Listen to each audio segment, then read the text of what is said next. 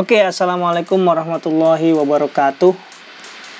Tiba saatnya episode pertama dari Suara Rian. Kalau lu pernah SD, ya kecuali lu yang dengerin ini bukan SD ya. Pasti lu pernah SD kan? SD atau MI. Gue tuh dulu pernah kan kalau di di SD SD gitu kan pasti ada jajanan-jajanan tuh. Abang-abang cilok cilor segala macam. Dulu mah cilok cilor belum ada tuh. Telur gulung udah ada. Terus batagor somai. Sama ada juga tuh tukang jimbot mainan yang sekarang gameboy gameboy gitu. Itu dulu ada tuh ya kan. Nah gue punya pengalaman nih dulu. Waktu SD nih gue baru keingetan nih sekarang. Makanya gue jadiin episode satu. Karena berkesan juga sampai sekarang. Nih lu pernah gak sih nemuin buku di tukang mainan? Judulnya siksa kubur. Ada lagi siksa neraka gareng petruk segala macam ya kan? Nah, dulu dulu tuh gue beli di situ. Dan emang kan jajan waktu zaman zaman 97 98 itu kan ya lah paling berapa sih lu bawa duit? Gope seribu. Kecuali lu orang kaya ya. Goceng sepuluh ribu gitu. Nah gue beli tuh. Yang siksa kubur siksa kubur gitu. Waktu itu gue ingat mungkin kelas 2 kali ya. Mulai mulai demen-demen gitu karena udah bisa baca kan. Mulai kelas 2 karena ada gambarnya. Dulu tuh gue demen baca Doraemon. Nah karena ada komik begitu gue beli. Ini ada yang gue nggak tahu sih bukunya di mana sekarang cuman ada satu nih yang masih sisa di di rak gua. Siksa kubur sama satu lagi tatang es. Setan berlidah ada judulnya setan berlidah. Bener gak nih setan berlidah? Ayo ah, bener setan berlidah. Nah dulu ketika baca itu ya kan baru kan e, lu lihat orang eh, siksa kubur ada tulisannya. Eh, bentar gue lihat. Ini tulisannya parah-parah sih emang kayak pada bagian lidah akan disiramkan air nanah. Kemudian pada bagian lain diperlihatkan ada sekelompok orang yang tangannya dipotong dengan berbagai macam senjata tajam, tetapi tiap kali dipotong dalam sekejap saja tangan mereka kembali utuh seperti sedia kala. Kemudian dipotong lagi, utuh kembali, dipotong lagi dan seterusnya. Itu siksa, disiksa terus balik lagi, disiksa lagi, disiksa lagi. Kemudian ada lagi gambar yang di dalam gambaran neraka jahanam Nabi menyaksikan orang yang kepala dan tubuhnya disiram dengan cairan, tembaga, dan timah yang panas. Dulu bayangin, kepala yang disiram pakai cairan tembaga dan timah. Mendidih lah udah gitu kan. Hingga kulit dan daging mengelupas hancur. Nah ini sama kayak tadi. Dia balik lagi kulitnya, kemudian disiram lagi, balik lagi disiram Gambaran-gambaran itu banyak tuh selain itu. Dan gue juga, gue ngeri juga sih bacanya gitu kan. Kalau sekarang gitu nah dulu itu sampai ke bawah-bawah tuh.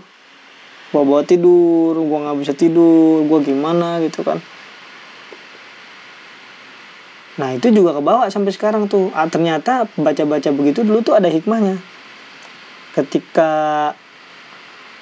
apa eh, sekarang lu mau bikin dosa keingetan juga tuh kadang-kadang wah dipotong tangannya digunting lidahnya. Nih ada lagi nih gambar digunting lidahnya. Di antara orang-orang yang membiarkan rasa iri dengki tubuh tubuh berkembang dalam hatinya sehingga mereka banyak mencela memaki dan menggunjing orang lain. Maka mereka mendapat siksa dengan dipotong-potong lidahnya. Ilustrasinya ada ada orang lidahnya menjulur dipotong pakai gergaji pakai gunting dan sebagainya. Hikmahnya menurut gua gini kalaupun lu nggak ngalamin yang kayak gini gitu kan. Atau atau ngalamin dulu lah kayak gue nih. Hikmahnya buat gue adalah lu bisa lebih hati-hati gitu kan. Dalam ngapa-ngapain. Karena lu udah lihat gambarannya secara realistis gitu kan. Dalam dalam tubuh komik itu. Lu jadi nggak macem-macem nggak jadi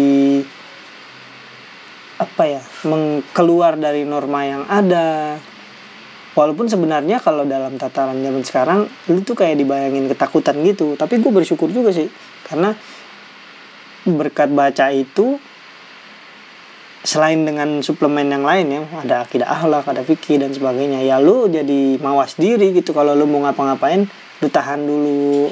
Jangan jangan jangan sampai ke sana. Ntar lu dipotong lidah lu.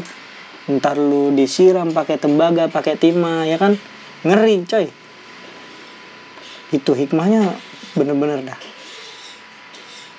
Jadi bebekas gitu kan. Jadi sampai sekarang tuh lu nggak bisa nggak bisa lupa sama itu gitu kan. Ya walaupun ya manusia kan pasti dosa-dosa juga pasti keluar-keluar ada aja yang keluar gitu kan. Nah ada lagi nih. Cerita-cerita di gambar itu kan kayak pada tingkat neraka selanjutnya diperlihatkan kepada nabi orang-orang yang menderita siksaan seperti ini. Nikmat Allah dengan seenaknya kau makan tapi perintah Allah agar kau berpuasa kau abaikan sekarang. Rasakan ini. Nah ini ada nih. Ini ada ilustrasi orang puasa eh, yang nggak puasa tapi dia di neraka disiksa dengan dililit ular mau ditikam sama ular. Kayaknya sih ada ilustrasi api-apinya gitu terus di bawahnya ada dicekek leher pakai gunting gitu ya Allah.